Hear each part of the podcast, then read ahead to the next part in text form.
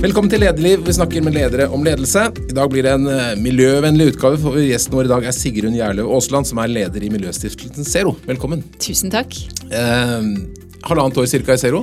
Ja, det er ikke så lenge, det. har du, føler du har fått til mye? Eh, jeg føler vi har fått gjort mye, og så føler jeg jeg fikk en fantastisk organisasjon i fanget. da. Så det er jo en luksus å oppleve. Eh, men det har vært eh, ett og et halvt eh, utrolig morsomme år. Men du har en ganske imponerende bakgrunn.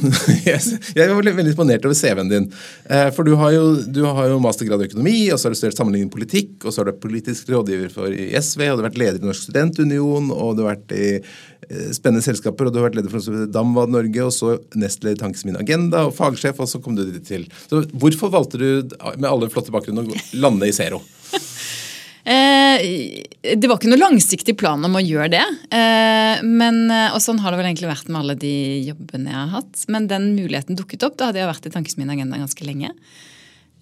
Og så ble jeg eh, kontaktet og spurt om jeg kunne kanskje være interessert i å søke den jobben. Og det hadde jeg egentlig ikke tenkt på, men eh, det syns jeg var en veldig god idé. Og Jeg så synes det er gjorde veldig deilig det. å være en tankesmie, bare sitte og tenke og slappe av. Og det, var- det Ja, det var sånn- kjempegøy. Faktisk, det var i Tankesmien Agenda, så tenkte jeg det, det som er dumt med å være her, tenkte jeg da, er jo at eh, det er så gøy at det blir vanskelig å toppe det. Men jeg føler egentlig at jeg har klart det. At det er enda gøyere der jeg er nå. Og det som er gøy i Zero, er jo at Tankesmie så jobber du som du sier, det er veldig sånn store spørsmål, og det, du får lov å sitte og tenke langt eh, og, og, og stort og konseptuelt om ting. I Zero er vi jo kjempekonkrete. Så vi er liksom opptatt av hvordan skal vi innrette avgiften på plast. Hva slags elavgift eh, trenger vi her? Eh, Hvordan kan vi innrette lastebil-ladeinfrastrukturen på mest mulig hensiktsmessig måte? Så det er liksom eh, ganske langt ned i grøten, og det er også veldig deilig da, å kunne være liksom så løsningsfokusert. Vi skal snakke masse om det, men før vi slipper agenda, du skrev en bok. Nei, og det, om det trengs en landsby, som eh, jeg omtalte på følgende måte. Med utgangspunkt i sin egen oppvekst og et helt nytt tallmateriale for økonomi og sosial mobilitet mellom generasjoner i hele Norge, undersøker forfatter Sigrun Aasland hvilken betydning barns oppvekst har for å lykkes senere i livet. Ja, eh, det var jo en amerikansk forsker som het Raj Chetty, som eh, var i Norge noen år før det. Eh, og som hadde sett på sosial mobilitet, da, altså ikke bare ulikhet, sant? Men, men hvor mye avhenger hva du gjør i livet av hvem foreldrene dine er. Eh, og så gjorde vi sammen med Samfunnsøkonomisk analyse en lignende studie i Norge. Da, for vi tenker jo i Norge at det, her er vi jo liksom. Ja, ja, her kan alle gå på Her det. Ja. kan alle gjøre alt, og vi har en stor velferdsstat, og det spiller ingen rolle hvor du kommer fra. Og så viste det seg jo at det er sant for eh, åt- ja, skal vi se, det er sant for eh, 60% av befolkningen. da. Men for de 20 lavinntektsfamiliene, 20% som er på en måte har lavest inntekt, eh, og de 20% som har høyest inntekt, så stemmer jo ikke det.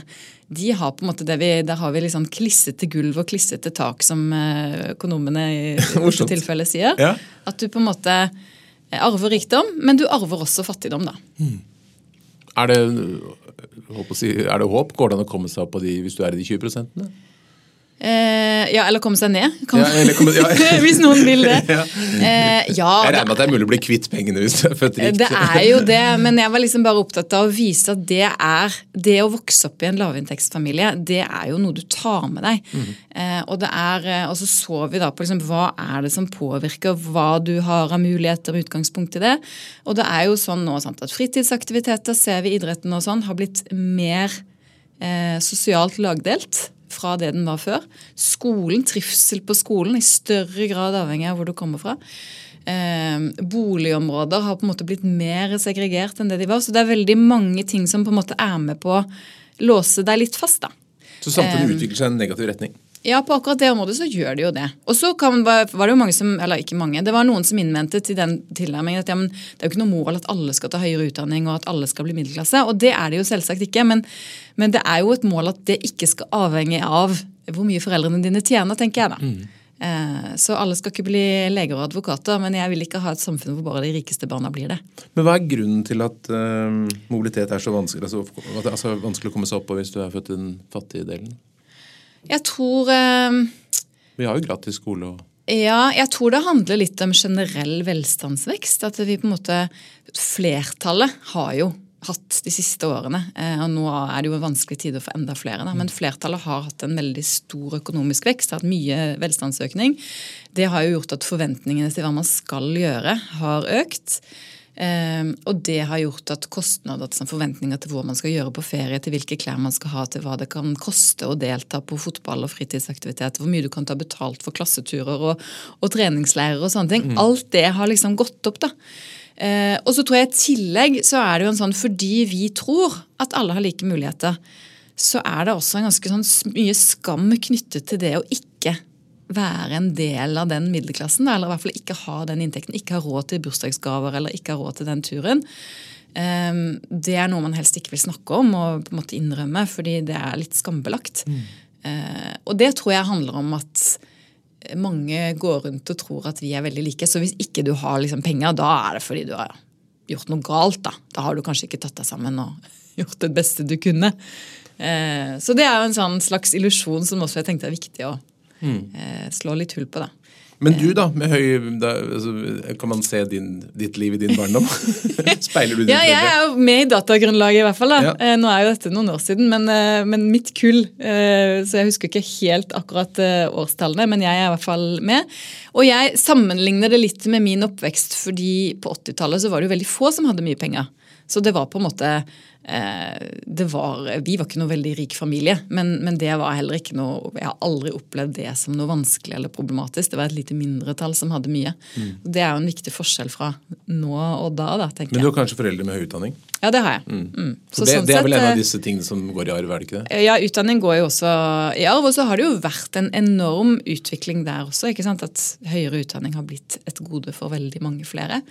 Eh, og gjennom på en måte altså Det har jo vært en sånn der slags eh, Det har snudd, da. ikke sant? Etterkrigstiden så ble det stadig flere som tok utdanning. Idretten ble veldig bred. Veldig mye var på en måte utjevnende og inkluderende.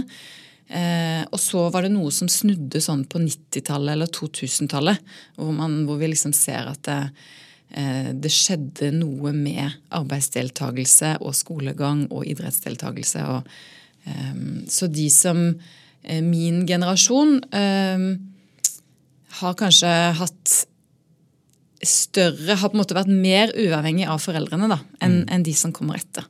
Eh, og det handler om at når vi ser på hva som påvirker sosial mobilitet. For dette det er jo variasjoner mellom kommuner. Og, og, det var jo det vi på en måte tok fra Raj Chetty. da, å se liksom, Kan vi forstå noe av hva som påvirker sosial mobilitet, med å se på forskjeller mellom hvor folk bor, og de tingene som påvirker sosial mobilitet, som jo handler om liksom, frivillighet og sosialt engasjement, som handler om utdanning, som handler om eh, hvor du bor, det er alle ting som vi ser har blitt mer segregert. da. Så Egentlig er jo konklusjonen med hele denne analysen at den sosiale mobiliteten er ganske god, var ganske god i min oppvekst, med noen viktige unntak på toppen og bunnen.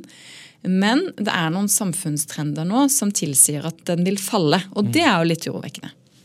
Men du er jo da eh, en leder nå. Du har åpenbart vært leder tidligere, vært leder i Har du også da foreldre som har ledet et eller annet? Eh, jeg lurer på om det er det ja, samme. Nei, det... jeg har aldri sett tall på det. det har jeg heller ikke sett noe tall på.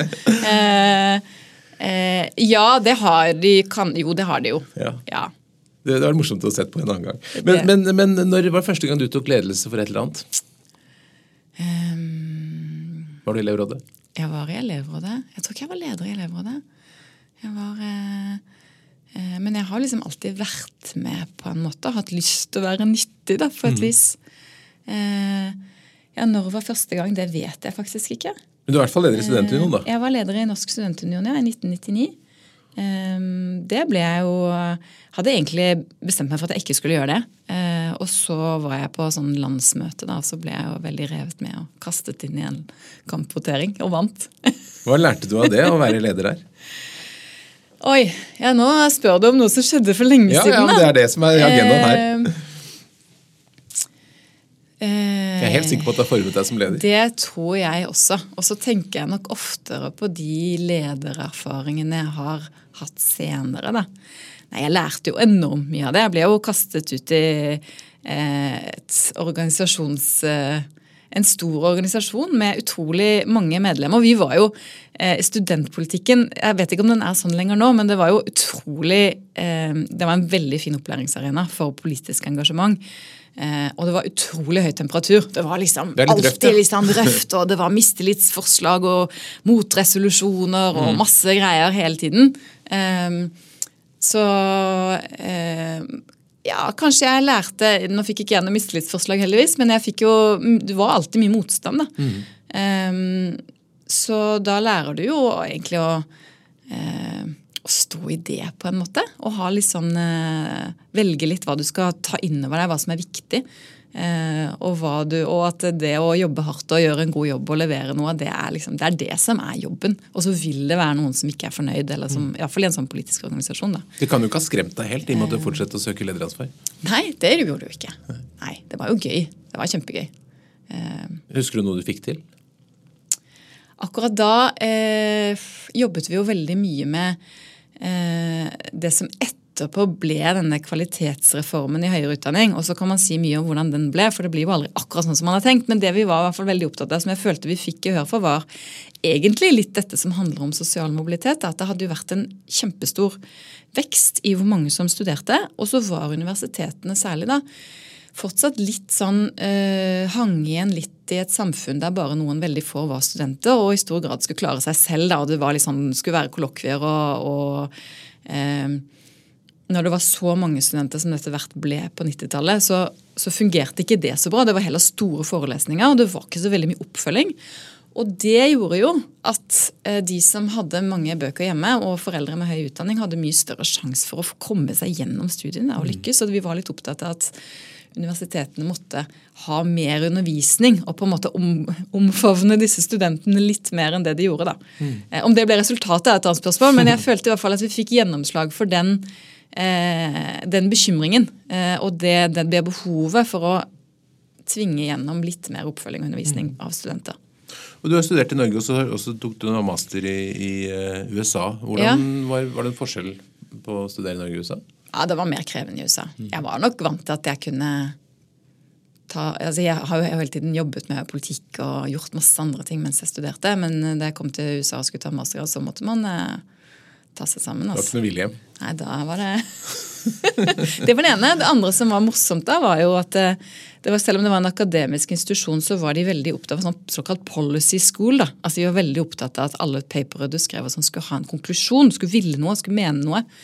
Eh, Så du skulle liksom drøfte en sak på den ene siden og på den andre siden, og så skulle du si og derfor må vi gjøre slik og sånn.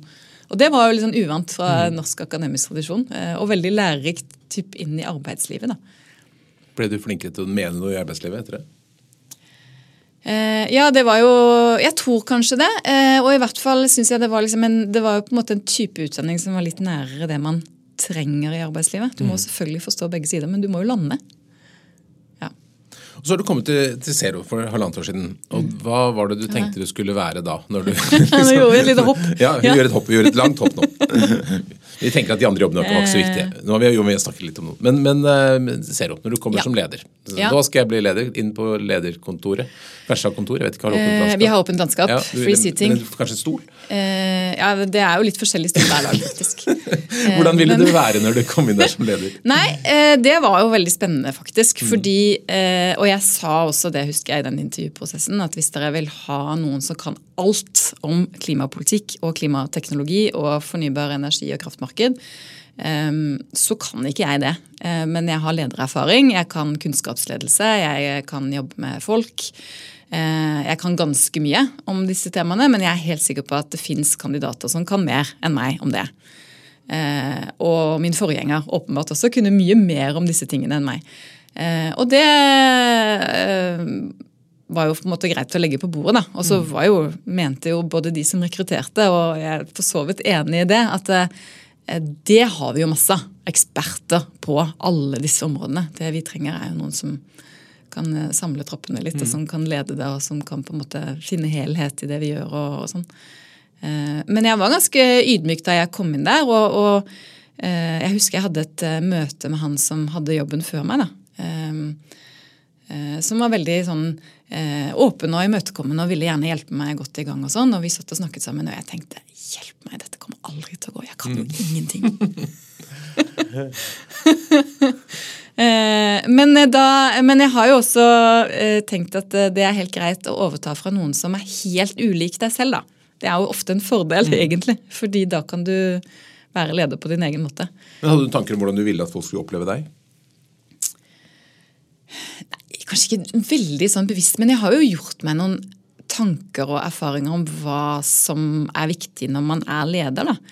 Um, og fra ulike lederjobber. Og det er jo liksom um, Jeg tror en, som, en, leder jeg har hatt selv tidligere, beskrev det å være leder litt som å liksom være husmor. Altså Man må på en måte holde orden i huset sånn at de andre kan jobbe. Du må ha strukturer og planer og rammer. Og, uh, og det gjør at folk på en måte får gjort det de skal.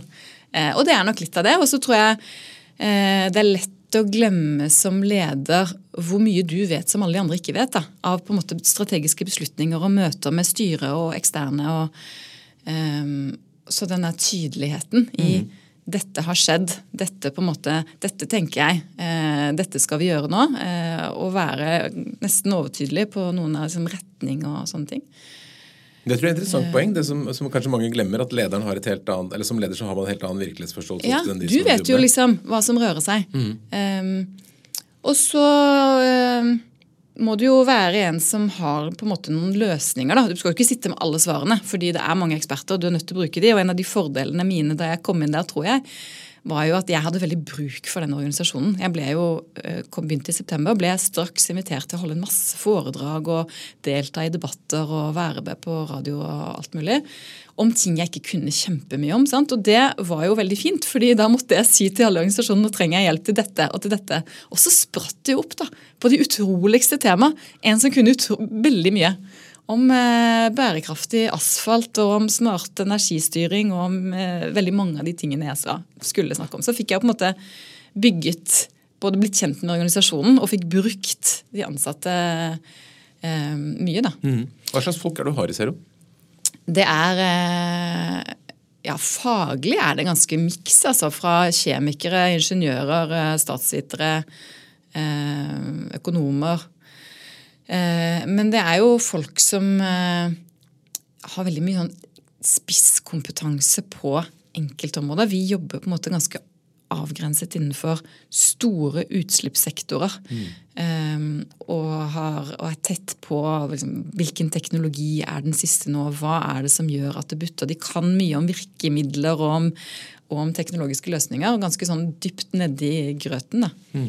Um, og så har dere fått nå nettopp en, på sjuende år på rad kåret til en, altså mhm. Best Place to Work. En av ja. Norges beste arbeidsplass for organisasjoner med under 50 ansatte i frivillig sektor. Er sånn, Alle kan bli verdensmestere i sin lille kategori, men uansett så er det bra, da. Det er kjempemange konkurrenter. Ja. Hva er oppskriften? Um, nei, den, Det er jo en undersøkelse som uh, spør om uh, hvordan man opplever at man får tillit. Hvor tydelig retning? Blir du respektert? Uh, er det en organisasjon som behandler deg rettferdig? Så det er jo mange variabler. da. Um, og det må jo sies at dette er jo en pris som Zero også vant før jeg ble leder, så jeg er jo veldig glad for at vi har klart å holde helt, oss der. Jeg har ikke ødelagt det, så det er jo det jeg kan skryte av, da. Men, det, hva, Men hva, hva, gjør man som leder for å få til alt dette? Jeg tror Vi har gjort et par ting som jeg har vært liksom bevisst på etter jeg kom inn. og Noen av de er litt sånne eh, Alle jobber jo veldig spesifikt med sine smale og, og, og spisse ting. Eh, og så har vi hatt noen prosjekter hvor vi jobber veldig på tvers av organisasjonen. Litt sånn dugnadsarbeid. Liksom helt fysisk også i Google Docs og sitter og skriver samtidig. ikke sant? Men vi har laget innspill til regjeringsplattform. Vi laget en svær rapport i fjor som het Zero 2030, der vi sa liksom dette er det som må gjøres i hele økonomien hvis vi skal nå klimamålene til regjeringen. Eh, og da samler vi jo veldig kreftene i organisasjonen. Det var utrolig gøy eh, reise og prosjekt å drive med. fordi Eh, alle fikk jo veldig øynene opp for hverandres fagområder. Ikke at de ikke hadde det før, da, men det ble et sånn veldig felles og samlende mm. prosjekt. Eh, det tror jeg er viktig å gjøre sånne ting. Så har vi På forrige undersøkelse så var det liksom kjempehøyt score på alt mulig, men det var litt bekymring for liksom, Mange følte at det, eh, de jo ble jo aldri ferdig, sant? og så sitter du og jobber på kvelden, og så Det er liksom lite tilfredsstillende. Eh, og noen kaller det jo work-life balance, men det er ikke egentlig det at de jobber for mye. Det er mer den der følelsen at du um, du kunne jobbet uendelig mye. Fordi alle som jobber hos oss, har jo et veldig sterkt engasjement. Det er jo derfor de jobber der. Uh, og det tror jeg det ene med det er jo liksom å da lage noen sånne output som er litt tydelige. da. Se, vi har gjort dette. Dette har vi levert. Mm. Uh, og vi er opptatt av også å markere som dette har vi fått gjennomslag for.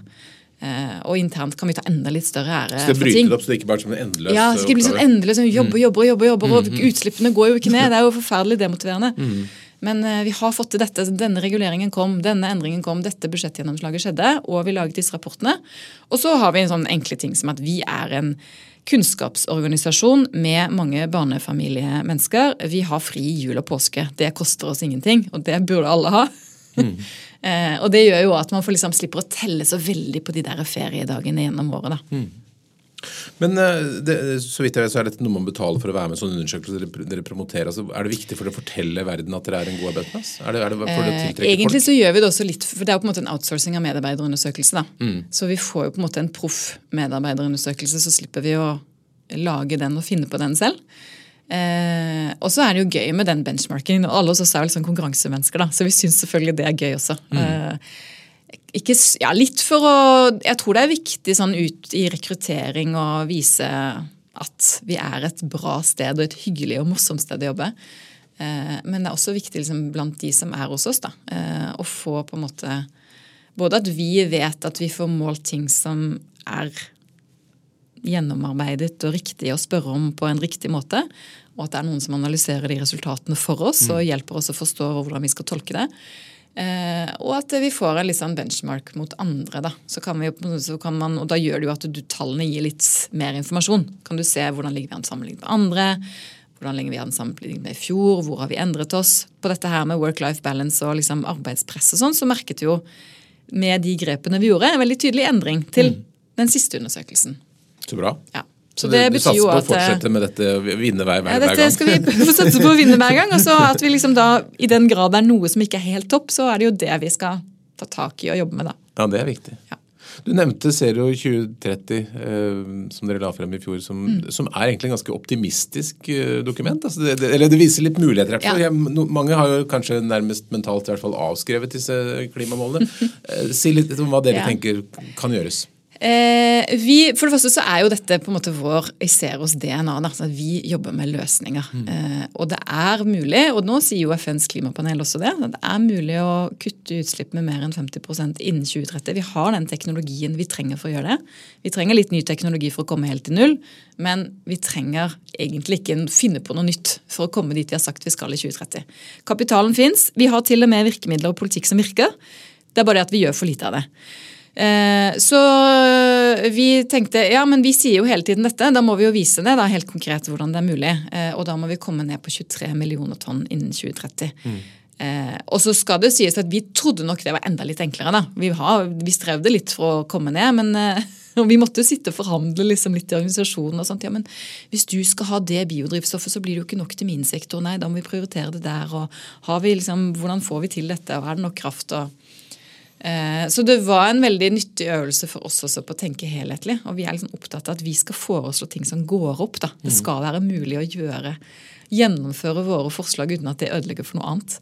Så hvis man velger eh, Zero til regjering neste gang, så blir det det? Da blir det da, vei i vellinga, ja. Også, men, men, men grovt sett, hvilke, hvilke, tiltak må gjøres da? Eh, ja, må, du må gjøre ganske mye på transportsektoren. Har vi jo fått til masse på personbiler, men nå er det lastebiler, tungtransport, gravemaskiner, eh, skip som eh, må elektrifiseres. Alt som kan elektrifiseres, må elektrifiseres. Det betyr helt konkrete ting som eh, ladeinfrastruktur og noe innkjøpsstøtte på de tyngste lastebilene, for de mm. er jo fortsatt dyrere innkjøp enn de fossile. Ehm, på det som ikke kan elektrifiseres, f.eks. i en del skip da, som skal gå litt lenger, og hvor batteriene rett og slett blir for store, så trenger man hydrogen. Eh, da er det jo sånn at det er både dyrere skip å kjøpe og dyrere å drifte foreløpig, fordi hydrogen koster en del. Så da må man ha det vi kaller for differansekontrakter, da, som er et slags konkurransebasert midlertidig subsidie, hvor du sier vi, staten dekker kostnaden, nå øker kvoteprisen. Fram mot den øker så mye og hydrogenprisen faller så mye at det lønner seg å velge det grønne, så må vi gjøre en eller annen form for langsiktig kontraktprisgaranti eller noe sånt. Så det er viktig. Ehm, så må vi kutte noen av de virkelig store punktutslippene i industrien. Det handler om elektrisitet, det handler litt om biokull, og så handler det også en del om hydrogen. Mm. Så må vi elektrifisere på sokkelen, og det er jo en kjempestor debatt. Men det er nå engang sånn at vi har aktivitet på norsk sokkel. Det er ganske, det er, Apropos temaer som fyrer opp litt, så er vel ja, det noe som det er jo noe som fyrer opp. Ja. Mm. Og det av to grunner. Ja, riktig, ja. Mm. Jeg mener det er riktig, og, og, det er to grunner til det. Den ene er jo man kan si hvorfor alle dager skal vi bruke eh, penger og kraft og alt mulig på noe som vi egentlig ikke burde drive med i det hele tatt. Mm. Det kan man godt argumentere, men vi driver nå en gang med det. Og vi kommer til å drive med det fram til 2030. Det er liksom ingen utsikter til at vi ikke skal gjøre det. Eh, og da er det veldig vanskelig, helt umulig faktisk, å nå de norske klimamålene uten å drastisk kutte utslipp inn i produksjonen på sokkelen. Men, men, er det ikke noe sånn at hvis du da bruker mindre, brenner mindre gass på sokkelen for å så bruker strøm fra land isteden, så kjører du den gassen til et annet land, og så blir den brent der, og så blir det ikke, er det ikke noe med at Jo, det er jo mange som argumenterer det, og, så er det, og det er jo en stående debatt. Nå kom det nettopp en ny rapport som har sett på akkurat det en gang til, og som konkluderer veldig tydelig med at nei, det har en klimaeffekt å elektrifisere i Norge også. Mm. Um, og så, så, det må vi gjøre. Eh, og så er det disse store punktutslippene i industrien. Og så må vi gjøre mye mer karbonfangst. På, nå har vi jo fått i gang karbonfangstutbygging på Klemetsrud, mm. som er et stort avfallsanlegg i Oslo. Det må skje på veldig mange flere avfallsanlegg også. Eh, og summen av alle disse tiltakene som vi da overleverte klimaministeren, da var liksom, tar oss til 23 millioner tonn. Og så sa vi du må jo ikke gjøre alt dette. Du må bare passe på at hvis du dropper noe av det, så må du gjøre noe annet i stedet. Mm. Fordi ellers så kommer du ikke i mål. Og så er det en sånn viktig utfordring i alt dette, og som blir bare mer og mer prekær, er jo at alt dette krever masse strøm. da. Mm. Eh, og vi sa vi skal kutte 55% pluss bygge batterifabrikker og en del sånne ting som ikke kutter utslipp i Norge, men bidrar til globale utslippskutt, så trenger vi 55 TWh ny kraft. Det er liksom tall som kanskje ikke sier alle så mye, men, men, det er også mulig å få til. Vi må bare være litt raskere på labben. Mm. Og det er jo egentlig det samme som Energikommisjonen sa nå i februar. da, at vi trenger, vi må spare mye mer og bygge mye mer fornybar energi hvis vi skal nå klimamålene. Men det må jo føles veldig tilfredsstillende å sitte og liksom regnet ut ja, løsningen. Ja. Men hva, hva, føler du om responsen? Føler du at det ble godt nok mottatt? Ja, jeg, jeg føler, Datteren min ble veldig begeistret. Mm. Kan, kan, vi løse det? Det er jo fantastisk! Det er jo kjempebra! Hvorfor gjør de ikke dette med en gang? Det var det. Ja, nei, så Det kan man jo lure på. Eh, jo, jeg opplevde at det ble godt mottatt, og at det er ikke veldig kontroversielle egentlig noen av disse forslagene. men men vi syns jo selvfølgelig, vi er utålmodige, da, syns jo at alt går for sakte. Ja, for det er jo litt ja, Tusen takk, dette var et veldig godt innspill. Det skal vi ta med oss ja. til faktisk beslutning. Nå har det jo kommet noen av disse tingene som vi foreslo her. Eh, etter den ble lagt fram, så ble det jo da bestemt eh, karbonfangst på Klemetsrud. Det var veldig bra.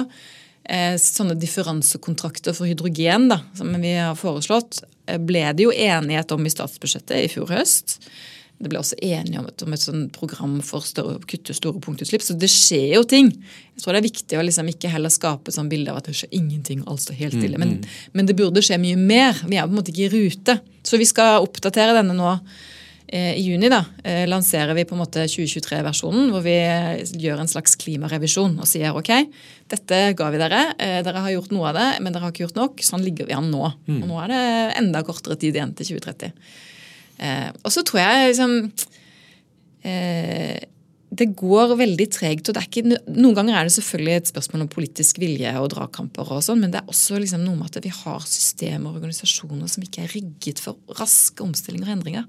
Alt skal jo på en måte utredes etter tur, og det skal tenkes nøye gjennom, og vi må sette ned et utvalg, og vi må, det utfordrer liksom måter å tenke på, måter å jobbe.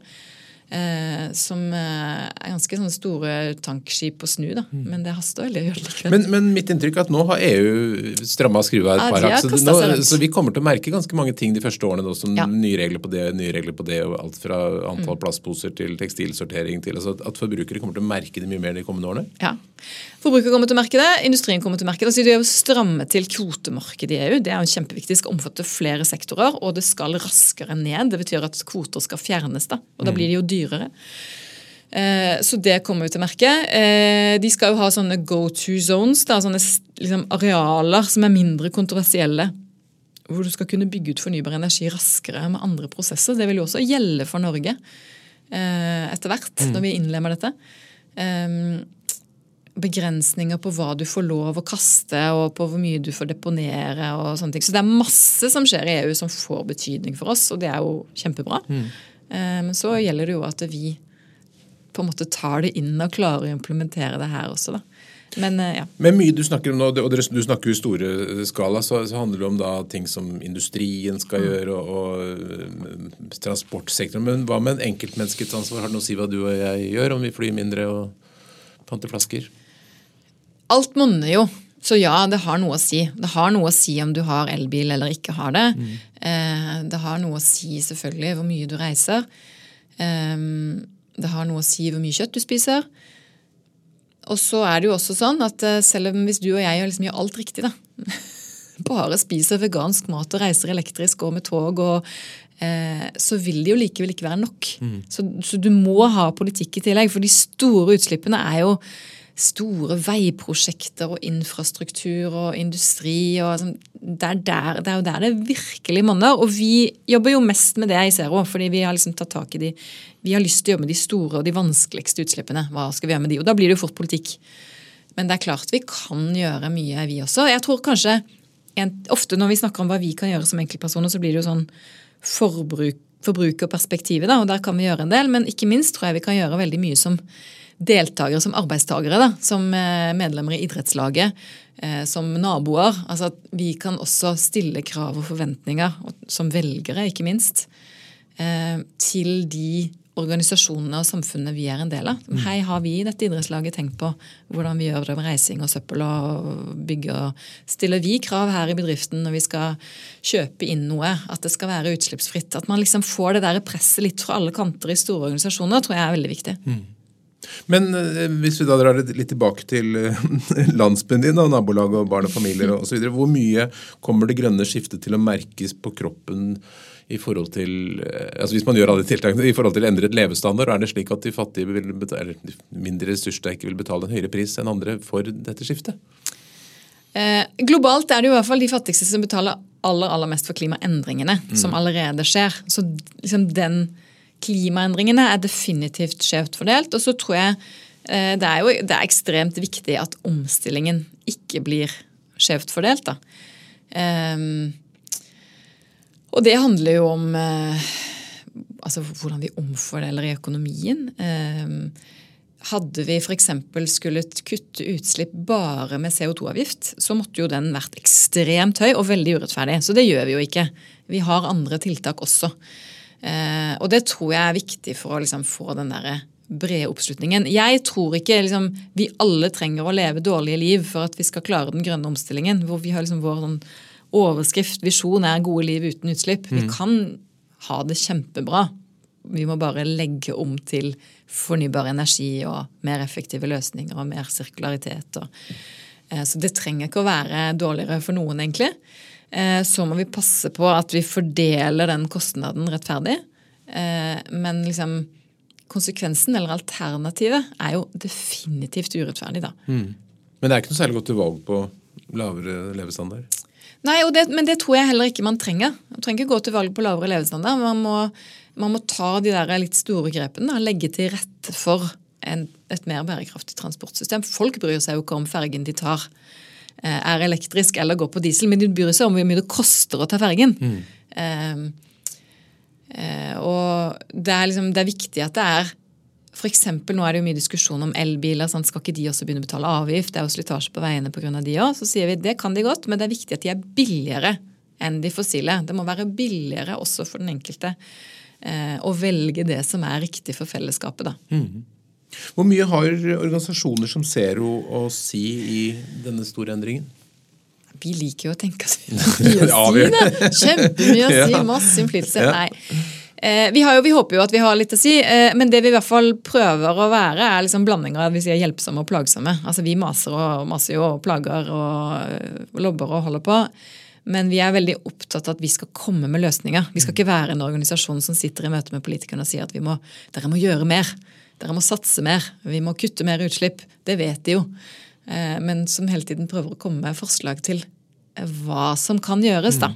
Hvordan kan du innrette denne avgiften og denne, dette prosjektet, og hva slags virkemidler burde man gjøre, og hva er mest effektivt? og Være litt på tilbudssiden, da. Og jeg må si etter å ha eh, grovlest websidene deres, jeg har ikke lest alt, men det meste, så er jeg for veldig sånn positiv eh, holdning. Altså Man, man blir litt glad av det. At Ja. det, dette kan gå. Dette kan gå. Og man må jo det, man må det hvis man skal orke å jobbe med dette òg. da. Jeg tror hvis man liksom skal jobbe med klimapolitikk og hele tiden grave seg ned i alt som er vanskelig, så, så tror jeg ikke vi hadde funnet den prisen, for å si det sånn. Det hadde jo ikke vært så morsomt. Men hvis eh, Jonas Gahr Støre kom til deg og sa gi meg ett råd, hva skal jeg starte med, Sigrun? Hva, vil du, hva er liksom det viktigste som regjeringen burde få farten på?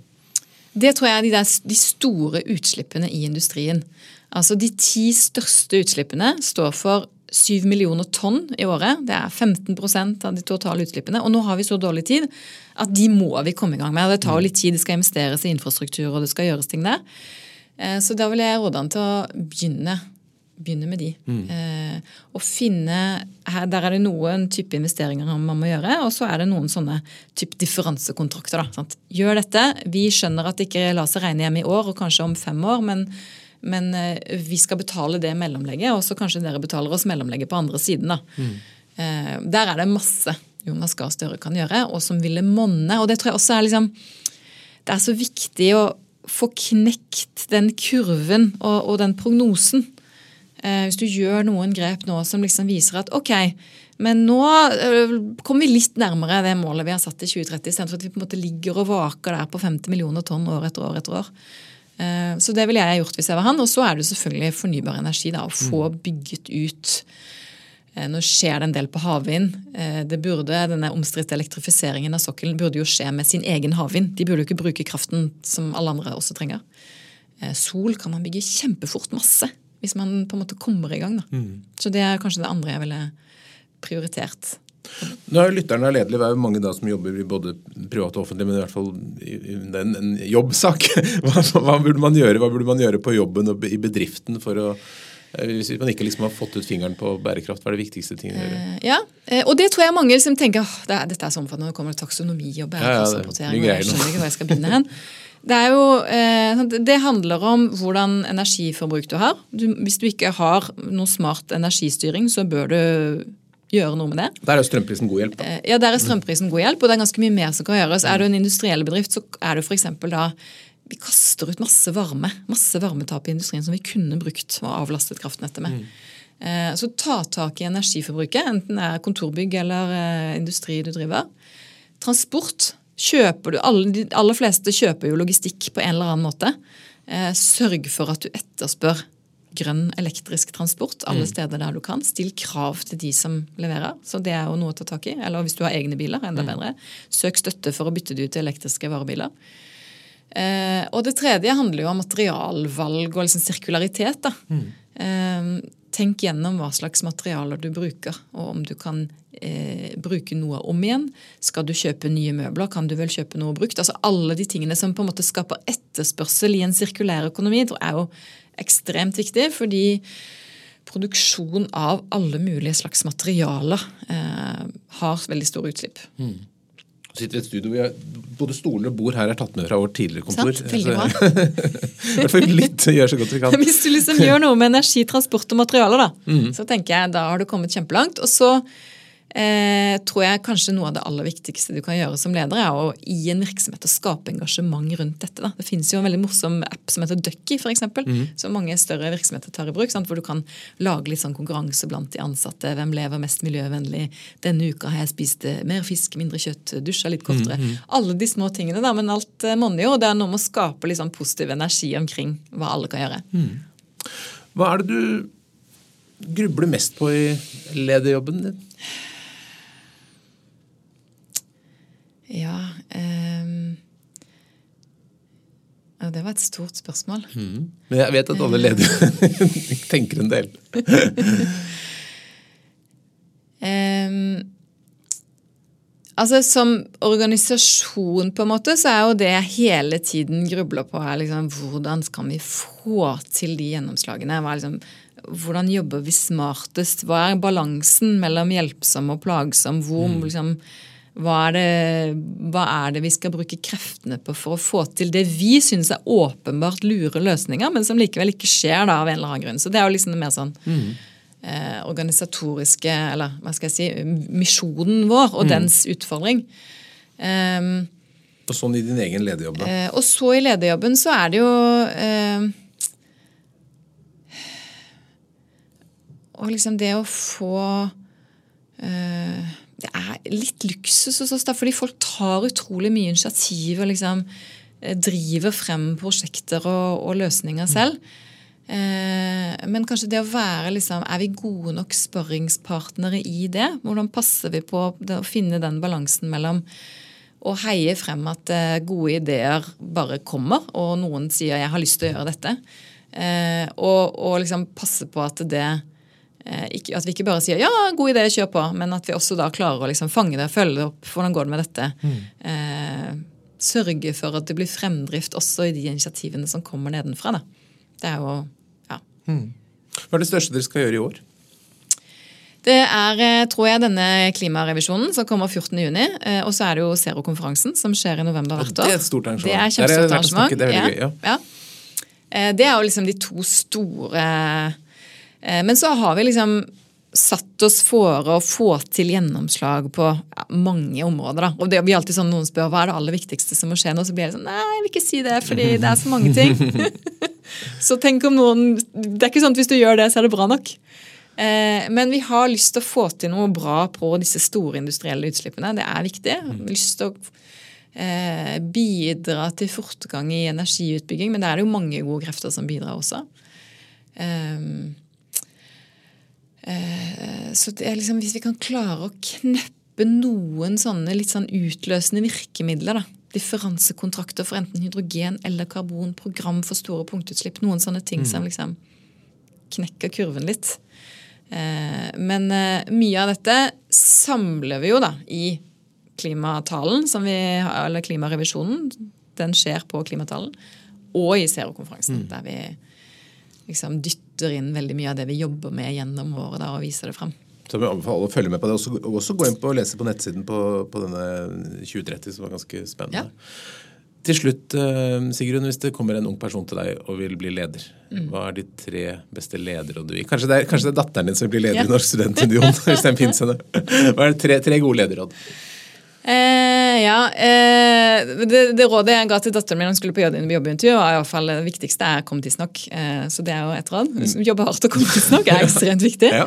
Eh, men jeg ble spurt en gang av en medarbeider hva, liksom, hva skal til for å bli leder, eller hvordan bør jeg tenke det? Og det jeg sa til henne, i hvert fall, var det som, kjenner, det som skiller en leder fra en medarbeider, er jo at du er en av de som kommer med løsninger. Altså, du må gjerne løfte utfordringer og problemer, og alt det er lov å si, men du må også bringe noen løsninger til torgs. da.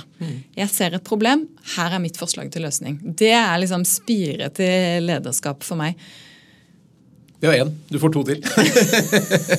Kom med løsninger. Jobb hardt og kom tidsnok. Punkt én. Ja, ja, ok, Eh, Kom med tidsnok, kom med løsninger. løsninger. Da har du en til. Eh, punkt to. Eh, og så ser folk og skryte av folk, da. Ja. Det er jo ingen ledere som eh, har noe som helst å vinne på å eh, ta æren selv for det som andre egentlig gjør. Eh, tvert imot. Så eh, la andre skinne mest mulig. Det gøyeste med å være leder er jo å liksom se at folk får ting til å få brukt det de kan. da. Ja. Gode råd. Sigrun eh, Gjerløv Aasland, tusen takk for at du kom til Lederliv. Takk for at jeg fikk komme.